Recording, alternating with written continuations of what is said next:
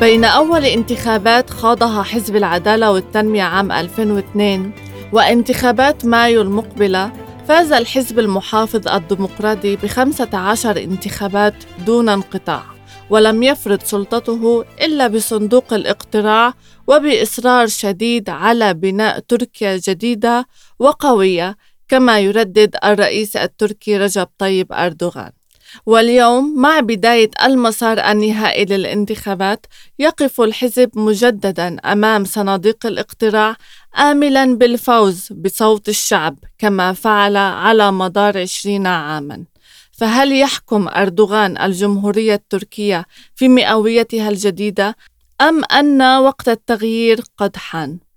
أنا نور علوان وهذا بودكاست الطريق إلى 2023 لنناقش هذه الأسئلة استضيف المرشح في دائرة إسطنبول الثالثة عن حزب العدالة والتنمية رجب سيار أهلا وسهلا أستاذ رجب كيف الحال؟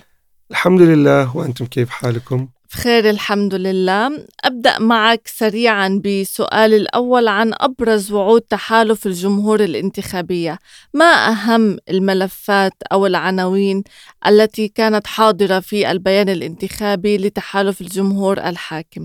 آه الآن في بيان الانتخابية آه أصلا لأجل الشعب التركي كان يوجد أمامه اثنين آه مشكلة آه في هذه المرحلة. أوله هذه الزلزلة كما حصل في أكثر من عشرة مدن أصاب آه، على آه، الشعب من الشعب 13 مليون تقريبا ويوجد ضرر كبيرة. وفي آه، بيان الانتخابية يوجد كثير أشياء عن تحديد الزلزال في تركيا. والثاني يوجد الآن الشعب التركي آه، يعيش كثير مشاكل اقتصادية أصلا كما ترون أنتم أيضا. آه، يوجد شوي آه، غالي إيجار الشقق و يعني مشكلته الاقتصادية في حياة الناس. ويوجد كثير مادة في بيان الانتخابية عن هذا. أهم شيء أنا رأيي تركيا الآن يستطيع أن يخرج غاز من بحر الأسود. وأيضا بنى آه، طاقة نبوية في أكويو. وأعلن الرئيس سيفتح آه، بنك آه، وسيدخل ربح الطاقة من الغاز وأكويو إلى هذا البنك وسيصل إلى الشعب شباب للشباب وللعائلات مباشرة ربح هؤلاء الغاز والطاقة النووية. ما هو؟ ربحه سيصل إلى الشعب. هذا آه، مهم جدا لأجل الشعب التركي أظن وثانيا طبعا صناعة الدفاع وسيارة تركية توك. هؤلاء مهمة لأجل الشعب التركي. واستقبال التركي أيضا. آه، وأصلا في ميدان يوجد آه، محاربة الانتخابات على هؤلاء الأشياء على الاقتصاد والصناعة الدفاعية وطبعا علاقات خارجية السياسات الخارجية التركية أهم النقط طيب فيما يخص ملف إعادة الإعمار في مناطق الزلزال والملف الاقتصادي أيضا ما الإجراءات التي يعني وعد الحزب باتخاذها في هذا الشأن؟ أولا في آه، مسألة الزلزلة الآن كما ترون يوجد تحديد كبير لأجل إسطنبول عن آه، تحديد الزلزلة. أصلا قبل هذه الزلزلة تقريبا قبل شهرين آه، الحكومة أعلن plan إعماري لمنطقة قناة إسطنبول وفيه يوجد بعض المناطق نحن نقول آه، منطقة reserve. يعني أصلا هذه المنطقة سيبنى بناءات كان 1024 1500 شقق هؤلاء فقط لأجل من يعيش بيوت القديمة في إسطنبول.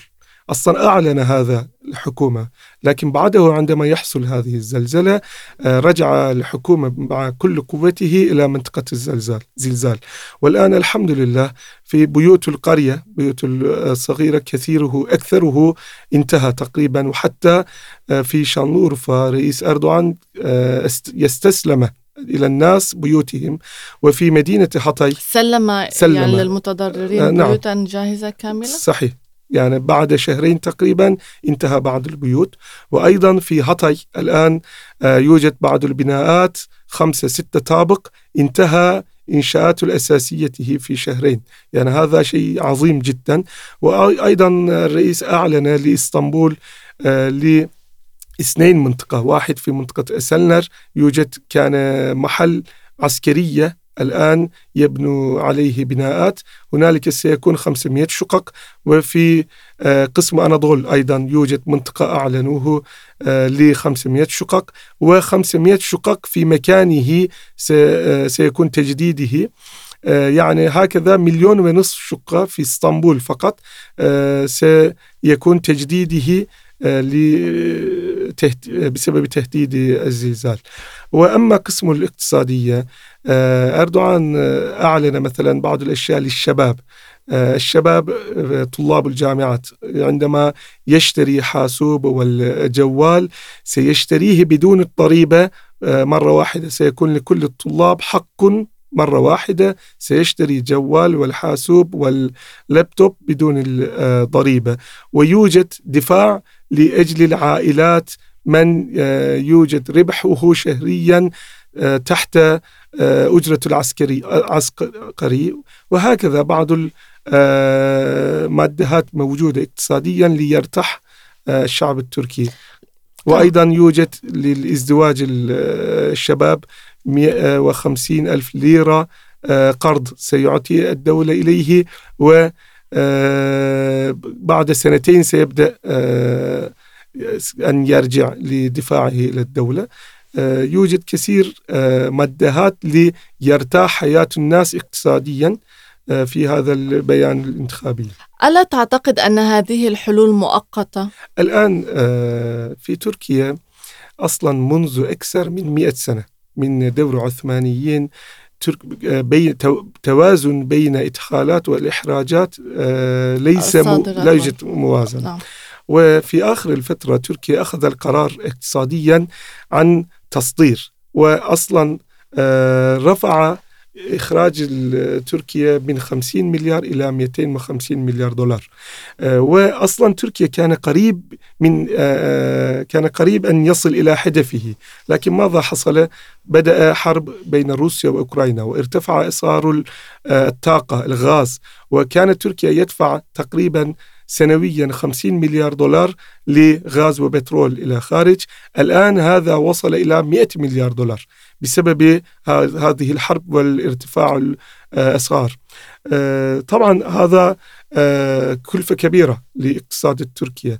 لكن آه، الآن تركيا تقريبا منذ 20 سنوات حلل احتياجات أساسيته مثلا الطرق والجسور والبناء مدن السراعية وال يعني تقريبا في قسم البلان انتهى. آه، مثلا كان معارضة يتحدث كثيرا عن طريق إسطنبول بين إسطنبول والإزمر وجسر أوسمان غازي في هذا الطريق كان يقولون يخرج من جيب الدولة كثير الدفاع وكان يوجد ضمان للسيارات 40 سيارة شهريا وكذا وكان لا يصل السفر على الطريق آه، إلى هذه آه، رقم الضمان. آه، لكن الآن وصل الحمد لله كيف وصل؟ فقط على طريق بين إسطنبول وإزمير الدولة الحكومة أسس 40 OSB يعني مدن الصناعة. وأيضا مثلا في يوجد طريق كوزي مرمرة يبدأ من تراكيا منطقة إدرنا إلى وص... يصل إلى سكاريا منطقة كرسو مثلا في سكاريا أيضا كان يوجد ثمانية أو سبعة آه الآن يوجد 16 وحتى وح... آه وحده منهم في كرسو في آه نتيجة طريق كوزي مرمرة وأيضا آه الحكومة الآن يكبر ميناء كرسو لأجل هذه التجارة. يعني الآن تركيا تقريبا آه وصل اقتصاديا لإقتصاد الدولة إلى مرحلة آه آه يعني يكفي لقوته هذه الحال آه، آه، الاقتصادي يدفع إلى شعبه أيضا. كما تقول هل هذا كله يكفي؟ سيرتاح شعبنا كثيرا. و الآن نحن كل اليوم منذ ثمانية أيام على الميادين. كل يوم على الدكاكين والشقق نزورهم ونزور شعبنا ونتحدث معهم. أصلا أكبر شيء الآن أكبر المشكلة في تركيا أجرة الإيجار آه، إيجار السكني. صحيح. آه، يمكن تعيشون أيضا طبعا. نفس المشكلة. لكن عندما نتحدث أسبابه وماذا يفعل الحكومة في هذا الأشياء آه، الشعب يفهم هذا. أولا في تركيا سنويا تقريبا احتياج سكن 800 شقة تقريبا 550 ألف يوجد ازدواج سنويا وأيضا يوجد طلاق وكذا. آه، المجموع احتياج 800 ألف. وفي تركيا أصلا في 2017 وصل إلى هذه الرقم سنويا. تقريبا 880 ألف آه، شقة كان يبنى في 2017 لكن بعده عندما يحدث كورونا سنتين تقريبا لم يبنى بناء. وحتى سنويا عشرين ألف خمسين ألف آه، شقة فقط بنية. وهذا كان آه، مشكلة كبيرة جدا. آخر الثلاث سنوات آه، الآن يكبر كل السنة عدد وهذه السنة وصل إلى 550 من جديد.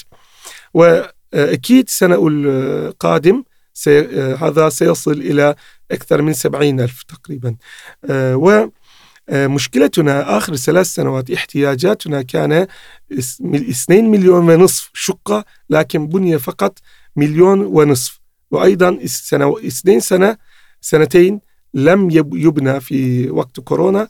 ومن هذا لا يوجد كافي شقة في آه، في السوق ومن هذا يرتفع الأسعار ويرتفع الإيجار عندما نتحدث مع هذا مع عن هذا مع آه، الناس الناس يفهم هذا. ونقول لهم الحكومة ماذا فعل؟ أعلن 500 شقة بطريق شركة توكي سيبنى ويبيع إلى الشعب. أيضا أصلا الدولة يبدأ أن يتحرك بمشاريعه عن هذا المشكلة. لكن طبعا يحتاج وقت شوي سنة سنتين إن شاء الله حتى سينتهي هذا آه، مشكلتنا. طيب الانتهاء من تنفيذ هذه المشاريع سيأخذ كما ذكرت سنة سنتين وثلاث. هنالك فئة من الناس لا تستطيع توفير أو دفع يعني الإيجارات أو يعني سد احتياجاتها اليومية في ظل هذا الغلاء. كيف سينعكس ذلك على صناديق الاقتراع؟ أصلا نحن نرى هذا منذ ستة أشهر تقريبا أو أكثر. في كل استطلاع رأي عندما حتى كان حزب العدالة والتنمية نزل إلى 35 تقريبا في الأصوات في استطلاع رأي وحتى في هذا المرحلة عندما تسأل إلى الشعب ما هو المشكلة م. اقتصاد لاجئين ويقولون آه، بعد هؤلاء بعض الأشياء. وعندما تسأل من يستطيع أن يحل كله يقول رجب طيب أردوغان. وحتى الآن نحن في الميادين يوجد نعم مشكلة يعني آه، مشاكل كثيرة. عندنا. لا نقول لا يوجد لكن عندما نتحدث مع الشعب كله يتفق يستطيع أن يحل هؤلاء المشاكل رجب طيب أردوغان. ونحن نستطيع أن نرى الآن حتى في استطلاع تأثير آه هذه الحال. الآن الحمد لله في كل استطلاع رجب طيب أردوغان في جوار 50% وأيضا عندما نتحدث مع الشعب هم يرى المعارضة لا يعد شيء لا يوجد أي الوعد لأجل تركيا لاستقبال تركيا هم يقول نحن سنخرج من ليبيا. الشعب يعرف الآن ما هو مصلحة تركيا آه، اتفاقه مع ليبيا. وهم يقول سنخرج من سوريا. ويعرف تركيا شعب تركيا منذ أكثر من 30 تقريبا 40 سنوات ما هو ضرار الإرهابية بكك على شعب الدولة التركية وما هو تحديده ولماذا آه، يوجد جيش التركي في سوريا. وهم آه، يتحدث عن بضبط صناعة دفاعية عن سلجوك بايركتار وعن آه، طائرات بدون الإنسان وكذا. الآن الشعب التركي يفهم ما هو أهمية آه، هؤلاء الصناعة آه، الدفاعية لأجل آه، أمن التركي واستقلال التركي. و مشاريع حزب العدالة والتنمية واضحة. وماذا فعل منذ عشرين سنوات؟ واضحة أمام الشعب. وأما ما هو مشاريع معارضة؟ لا يوجد أي مشروعهم. وحتى كلامهم واضحة. كلام المعارضين والشعب التركي يعرف هذا الكلام من التاريخ. عندما نتحدث معهم ماذا يقول مرال أكشنر رجب طيب أردوغان آه، يوجد الآن حكم استبداده مثل آه، حكم سلطان عبد الحميد هان.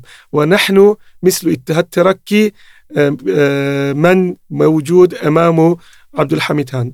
أنا رأيي أكبر خطأهم كان هذا الكلام.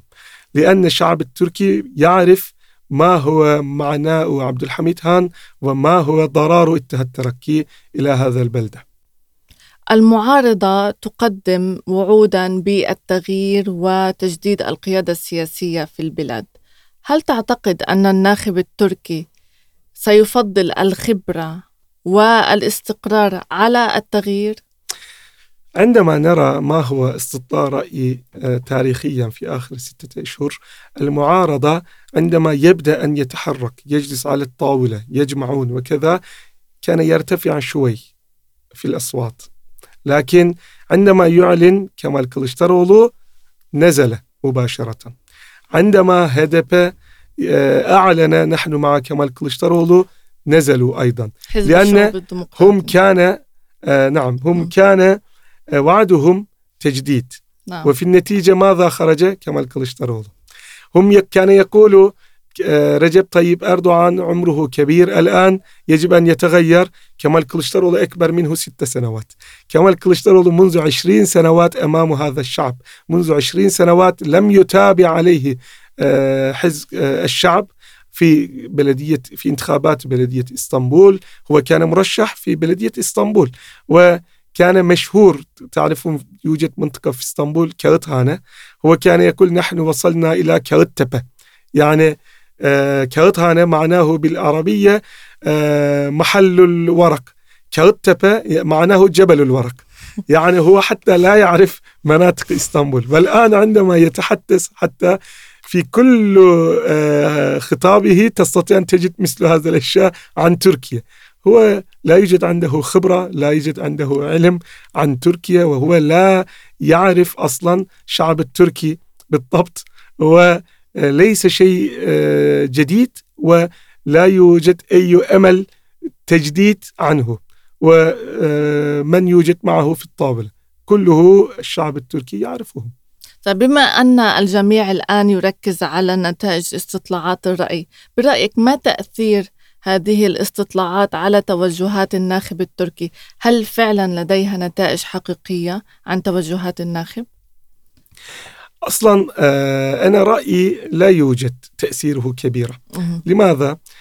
آه، نحن نرى هؤلاء الاستطلاعات في كل الانتخابات.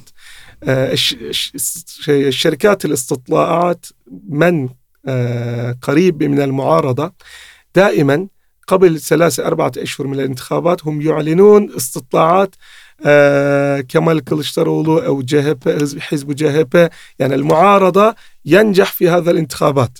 بعد آه عندما آه نصل إلى الانتخابات قبل أسبوع تقريبا هم يبدأ أن ينشر يوجد موازنة. عندما يبقى يومين هم يقول يمكن ينجح أردوغان. ليكون احترامهم بعد الانتخابات أيضا. الآن هم كان يفعل نفس الشيء وحتى الآن هم لا يستطيع أن يعلن أي الاستطلاعات آه، كمال كلشتارولو آه، مرتفع من أردوغان. لا يوجد هكذا الانتخابات حتى شركات المعارضة. آه، وإذا يكون أي تأثير هم يستطيع أن يتأثر من هذا بهذه الاستراتيجيه على الشعب. مثلا واحد شركة المعارضه الأسبوع الماضي أعلن واحد استطلاع آه، ويقول آه، يوجد موازنة. نفس التكتيك هذا في كل الانتخابات. وعندما آه، تجمع كل النسب يصل إلى 102 أكبر من 100 وبعد ساعة هو مسح من تويتر هذا وأعلن من جديد. تغير يتغير.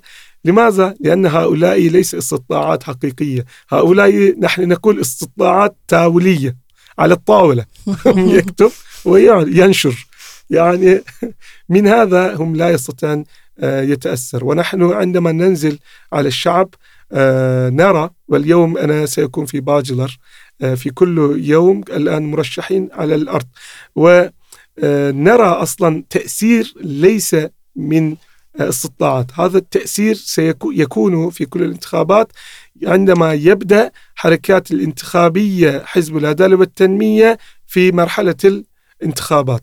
منذ ثمانية أيام حزب العدالة والتنمية بكل مرشحه وتشكيلاته وحتى مع الرئيس أردوغان على الساعة ساعة نحن ننزل على الشوارع و آه، نجلس مع الناس نتشاور عن السياسة و عندما دائما يبدأ حركة انتخابية آه، يرتفع في استطلاع الرأي حزب العدالة والتنمية. لماذا؟ لأن المعارضة ليس في الميدان هم فقط يتحدث إعلاميا وموجوديته في تويتر.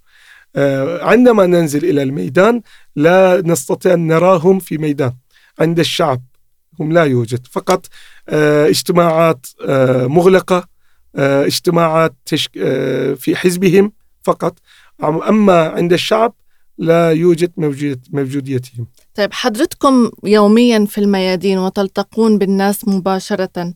قبل الزلزال كان الاقتصاد وملف اللاجئين من أكثر الهموم التي تشغل الناخب التركي. بعد الزلزال هل انخفض الاستياء الشعبي من اللاجئين؟ هل صار ملف إعادة الإعمار والملف الاقتصادي هما الملفان الأبرز في بالنسبة للمواطن التركي؟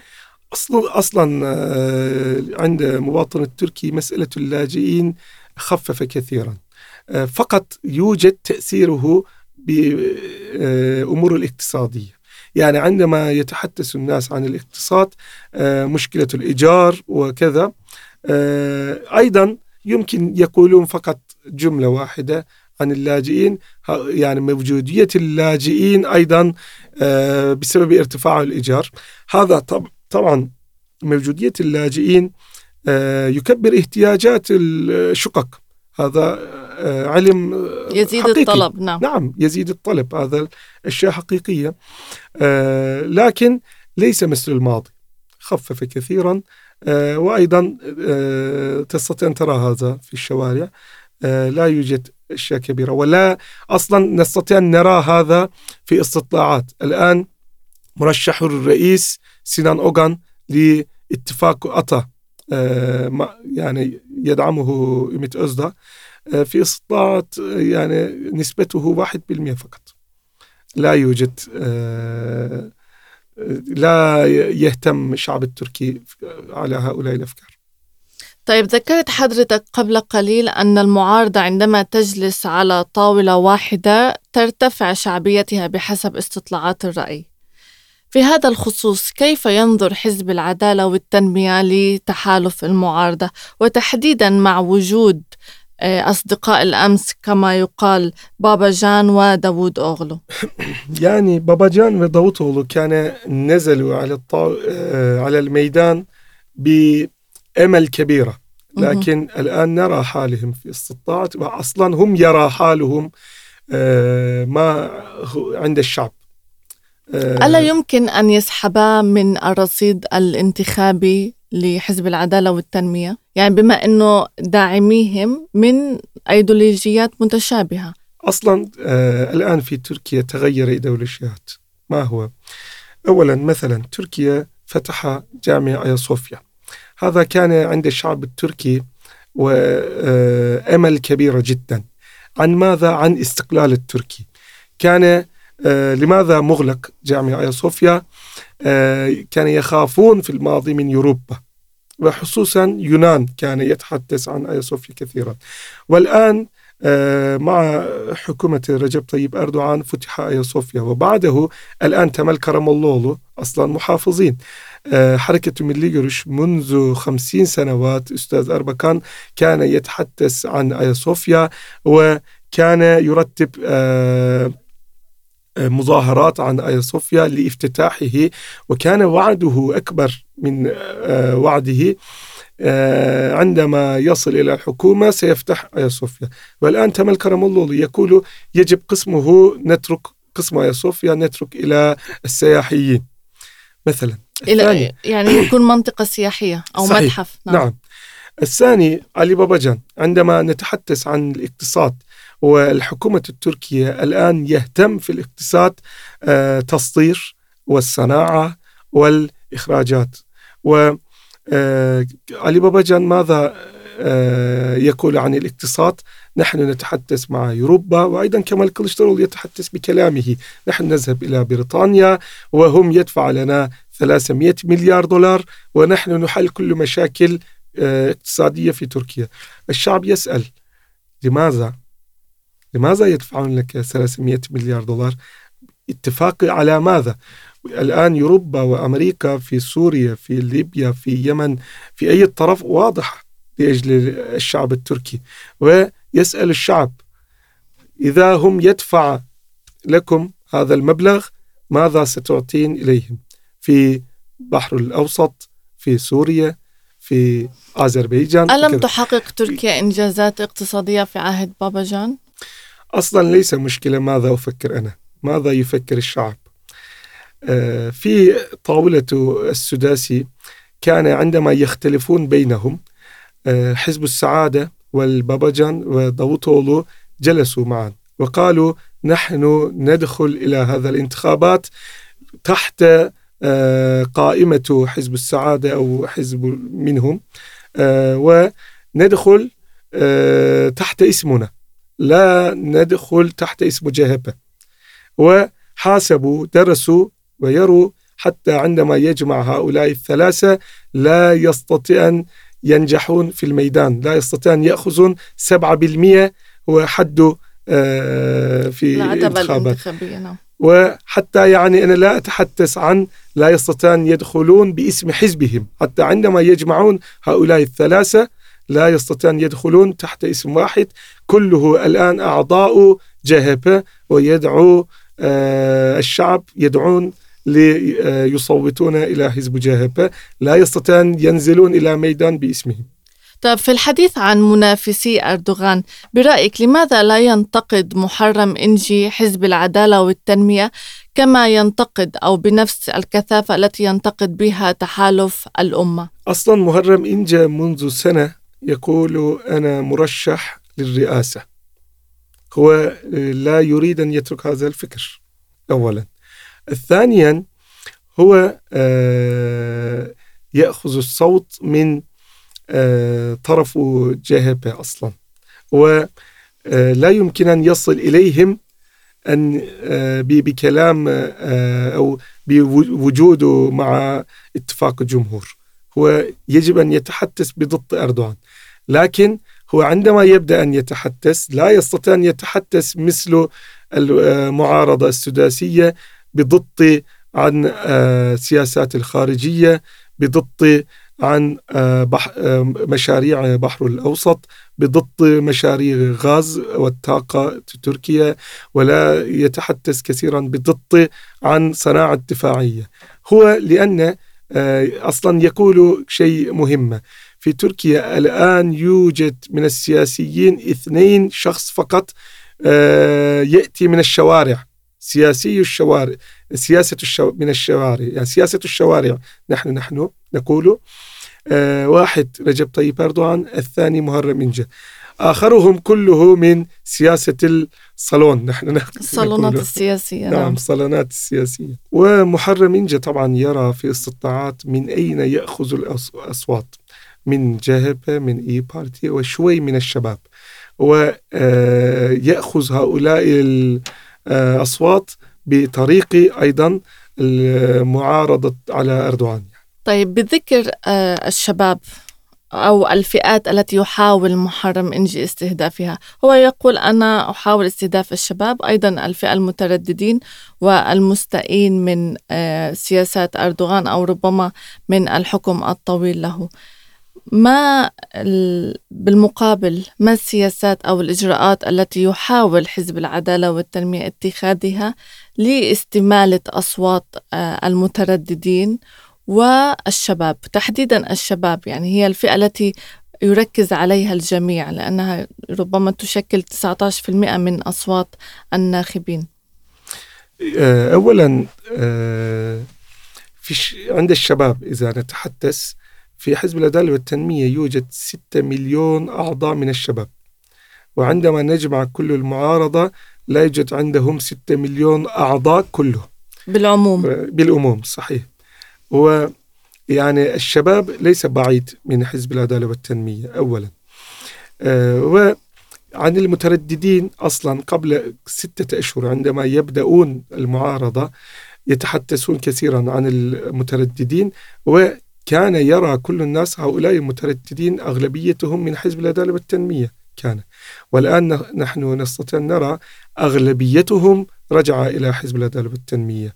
وعندما ننزل إلى الميدان نحن نرى عند الشعب آه، لا يوجد تردد أصلا كبيرة آه، عند الناس. فقط عند الشباب آه، من يريد المعارضة أو يظن سيكون معهم من الشباب الآن هؤلاء مترددين. أصلا تغير قسم المترددين.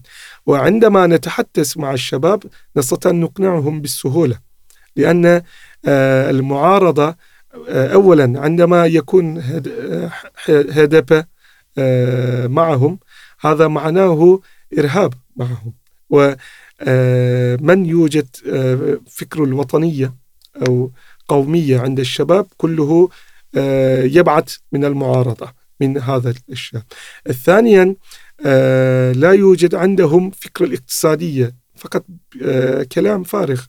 يتحدثون إذا نحن نكون في الحكومة يهل كل شيء. كيف؟ لا يوجد جوابه. وعندما نتحدث مع الشباب هذا يرى كله. وثالثا نجاحات الأخيرة. عندما نتحدث مع الشباب مثلا اليوم آه، سفينة تاجيجي أناضولو سفينة الطيور آه، الذي آه، بناه دولة تركيا أول مرة في سرايبورنو في أمينونو آه، والشعب يزوره. آه، سيارة توك الآن آه، في كل المدن موجودة تقريبا. وزراء عندما ينزل إلى الميدان ينزلون مع توك وعندما الشعب يراه تستطيع أن ترى في فيديوهات كيف يهتم هذه السيارة. يعني عندما نذكر إلى الشباب هؤلاء الأشياء أصلا ينتهي قسم التردد. ماذا إذا عن فئة الشباب التي تطالب بالانفتاح على أوروبا بالانضمام إلى الاتحاد الأوروبي بالالتزام باتفاقية إسطنبول وحقوق المرأة والحريات الجنسية والحريات الإعلامية؟ يعني أصلا آه، لا يمكن أن نتحدث عن هؤلاء الأمور اتفاق إسطنبول وكذا عن الشباب آه، عند الشباب أنا لم أرى هؤلاء المواضيع عندهم ويتحدثون. لا قسم النساء موجود آه، تحدث عن آه، اتفاق إسطنبول وكذا. لكن اتفاق إسطنبول عندما ندخل فيه هذا موضوع طويل جدا لكن أساسيته أصلا ليس عن النساء عن الجنسية. آه، و لا يوجد أصلا أي ضرر على النساء بإلغاء هذا الاتفاق. في حقوق التركي حقوق النساء. أصلا يجب أنا لا أحب أن نتحدث عن حقوق النساء حقوق الشباب حقوق الكذا. لا حقوق الإنسان. كلنا إنسان ويجب أن نحفظ اولا إنسان النساء والرجال. ويجب آه، أن يكون حقوقنا آه، حقوقنا يجب أن يحافظ حق النساء أمام الرجال وحق الرجال أمام النساء. نحن يجب أن نصل إلى مرحلة العدالة.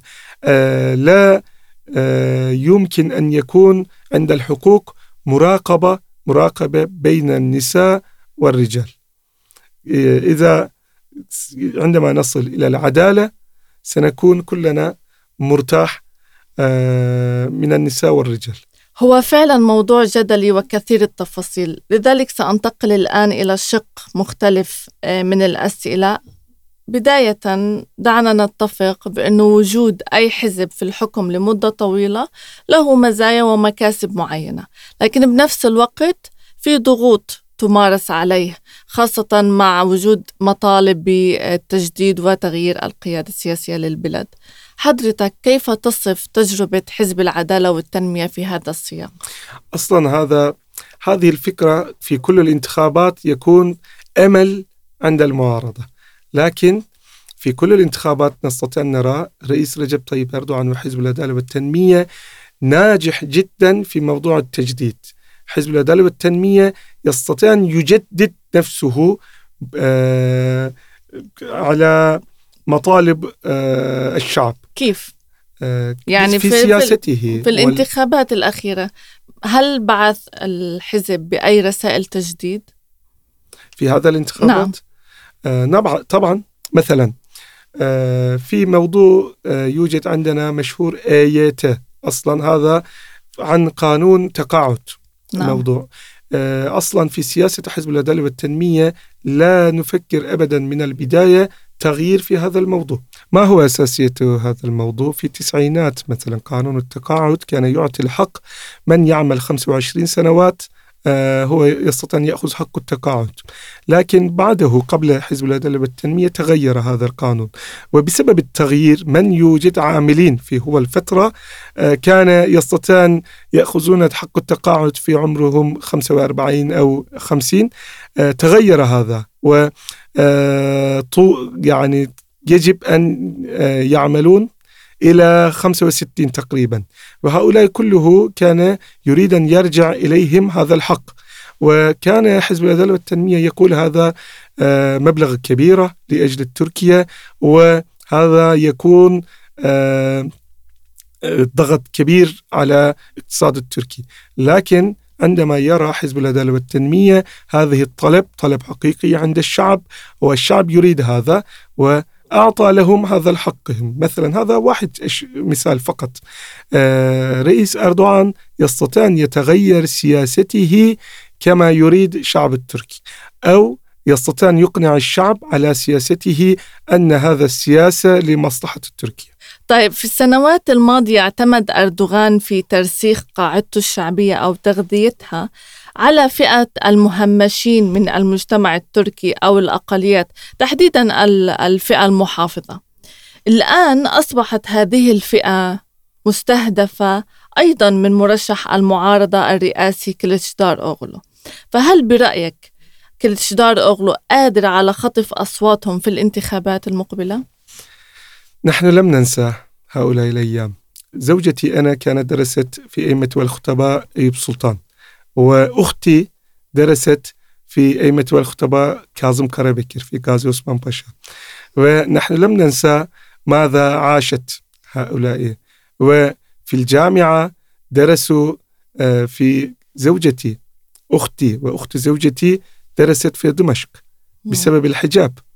نحن نعرف ما هو أفكار كمال كلشترولو وعندما يستطيع أن يأخذ القوة ماذا يستطيع أن يفعل نحن نعرف. لأن حزب العدالة والتنمية يستطيع أن يحل مسألة الحجاب في ألف بعد 2009 لماذا؟ لأن قبل هذا عندما هم تغيرت آه، دستور مع حزب مهبة مع القوميين مع دولة باهتشلي. عندما يتغير آه، هذا الدستور حزب جاهبة ذهبوا إلى محكمة الدستورية لإلغائه وتحته يوجد توقيع كمال كلشترولو الآن حزب السعادة مع كمال كلشترولو لكن عندما رجب طيب أردوغان والحكومة تغير القانون لأستاذ أربكان يخرج من السجن ويبقى في بيته هم أيضا كان يذهب إلى آه، محكمة الدستورية لإلغاء هذا القرار ويرجع أستاذ نجم الدين أربكان إلى السجن. كان يوجد تحته توقيع كمال كلشترولو كمال كلشترولو الآن يتحدث كما تقول لكن هل نحن نؤمن إلى كلامه أو إلى حياته؟ بجانب المنافسة على أصوات المتدينين هنالك أيضا منافسة على أصوات الأكراد. من برأيك الأكثر قدرة على كسب أصواتهم في صناديق الاقتراع؟ منذ عشرين سنوات أصلا أكبر الحزب عند الأكراد حزب العدالة والتنمية و حزب الديمقراطية الشعوب الديمقراطي. الشعوب الديمقراطي. هذا يسمى حزب الإكرات لكن أصليته ليس هكذا. الإكرات يعرف هذا. الآن مثلا يوجد من مرشحين حزب العدالة والتنمية كثير من الأكراد ويتحدثون بلغة الكردية. الآن في إسطنبول أيضا موجودين أصدقاؤنا ينزلون إلى الميدان ويجمعون من مع الأكراد ويستطيعون يتحدثون معهم بلغتهم. لكن عندما نتحدث عن آه، حزب الشعوب الديمقراطية آه، مثالا هم آه، يقول نحن حزب الأكراد هم أغلبيتهم لا يستطيع أن يتحدث اللغة الكردية الآن هم تغير اسمهم أيضا. اسمه حزبهم الآن يساري الأخضر. وأيضا هذا الاسم يتأثر إلى الشعب الكردي لأن من الإكراد شعب الكردي أصليا محافظين ويقولون والله نحن لا ليس لسنا يساريون نحن محافظين. آه الآن في هذا الانتخابات أظن حتى عند الإكراد حزب العدالة والتنمية مرة أخرى سيكون أكبر الحزب في الحديث عن الشرائح المختلفة للناخبين الأتراك ما تأثير الأجانب الحاصلين على الجنسية التركية على نتائج الانتخابات برأيك؟ آه، تقريبا آه، في كل تركيا لا يصل إلى واحد بالمئة عددهم هم صفر نقطة اثنين في المئة يعني نعم. مية وثلاثين ألف شخص آه، تقريبا تقريبا نعم. آه ويعني آه أظن أغلبيتهم سيكون مع حزب العدالة والتنمية لأنهم يعرف ماذا يعطي آه، إليهم حزب العدالة والتنمية لكن هذه تهمة أيضا توجهها المعارضة لحزب لكن أقول آه لماذا المعارضة لا يتحدث كثيرا عن اللاجئين منذ ثلاثة أشهر؟ لأن حزب جاهبة والشعوب الديمقراطية أيضا يعملون مع المجنسين. في حزب الشعوب الديمقراطية في هاتاي في مرسين نحن نعرف حزب جاهبة ماذا آه، يعمل في إزمر. في الجامعات يزور كل الطلاب المجنسين نحن نعرف هؤلاء الجهود وأنا رأيي هذا شيء آه، مهم جدا لأجل تركيا وجيد وأنا أنصحهم آه، يعملون في هذا الساحة أكثر آه، ليفهمون ما من هؤلاء أجانب كانوا أجانب ليس أجانب نعم. ويفهمون العرب والإيرانيين والروس والبريطانيون كثيرا ويفهمون لماذا يأتي هؤلاء الناس إلى تركيا. الآن في تركيا دائما يتحدثون عن اللاجئين تقريبا ثلاثة ونصف مليون ثلاثة مليون وستمائة ألف سوريين موجودة في تركيا ومليون ونصف يوجد في تركيا آه، صاحب الإقامة. منهم 270 ألف طلاب يدرسون في الجامعات التركية من كل العالم. وتقريبا يوجد أكثر من 150 ألف صاحب الإقامة من أوروبا أكثر من 100 ألف تقريبا من روسيا. ويعيشون في تركيا دائما. هم يجب أن يزورون هؤلاء أكثر آه، مرات ليفهمون إلى أي مرحلة وصل آه، التركيا في العالم. طيب هل هم قادرون على إحداث فارق في النتائج الانتخابات؟ يعني لما أتحدث عن صفر نقطة اثنين في المئة. عندما نحاسب عن كل تركيا آه، طبعا يوجد تأثيره لأن نحن نهتم حتى كل واحد صوت. لكن ليس مثل ما يقول المعارضة. نعم. طيب الآن أنتقل بأسئلتي عن الانتخابات البرلمانية. سؤالي الأول في هذا الشق لماذا دخل تحالف الجمهور الحاكم الانتخابات بقوائم منفصلة؟ يعني هذا قرار الاتفاق في النتيجة. آه، استشروا كثيرا كيف يكون أكثر استفادة من آه هذه الاتفاق. وأصلا لأجلنا أهم شيء في هذا السيستم جديد آه الرئاسة. القوة كبيرة عند الرئاسة. ونهتم طيب به كثيرا. يعني يقال أنه الحركة القومية أو دولة باتشلي مارس ضغوطا معينة حتى تخوض الأحزاب الانتخابات بقوائمها الذاتية؟ يعني أصلا آه الأحزاب موجودية موجودة في اتفاق الجمهورية كله يؤمن بنفسه وسياسته وكله يقول يوجد كلامنا يجب أن يصل إلى الشعب. لكن اتفاق الملة لا يؤمنون بأنفسهم أنفسهم ولا يستطيعون ينزلون إلى الميدان باسمهم. وهذا ليس أصلا مشكلة لاجل اتفاق الجمهورية. اتفاق القومية دولة باهتشلي وفاتح أربكان كله يقول يوجد كلامنا ونريد أن نتحدث باسمنا. وفي الرئاسة كلنا معا. ونحن مرتاحين لأن نحن نعرف اتفاق الجمهورية سيأخذ أغلبية المجلس وسننجح في الرئاسة إن شاء الله. هذا كان عدد البرلمان مشكلة كبيرة لأجل اتفاق الملة لأن وعدهم تغيير السيستم.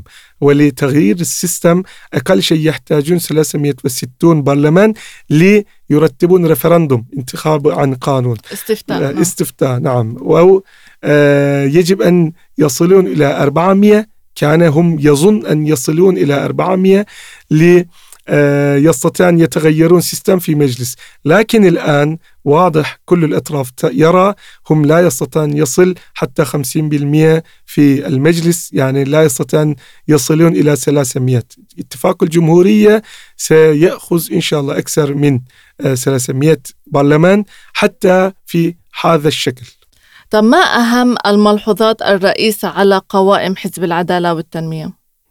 يعني رئيس أردوغان تحدث عن هذا الموضوع شوي لكن لم يعلنوا آه system ما هو آه فكر التغييرات في ال system هو قال نستطيع أن نتغير بعض الأشياء إذا لا يمشي آه بالضبط. لمصلحة تركيا وسياسته وشعبه. حزب العدالة والتنمية ورجب طيب أردوغان دائما أصلا مرتاح في موضوع التجديد كما أقول. إذا يكون احتياجات نحن نستطيع أن نتغير وكلام الرئيس نفس الشيء. أستاذ رجب شكرا كل الشكر لحضورك ووقتك معنا. أنا أشكرك شكرا جزيلا.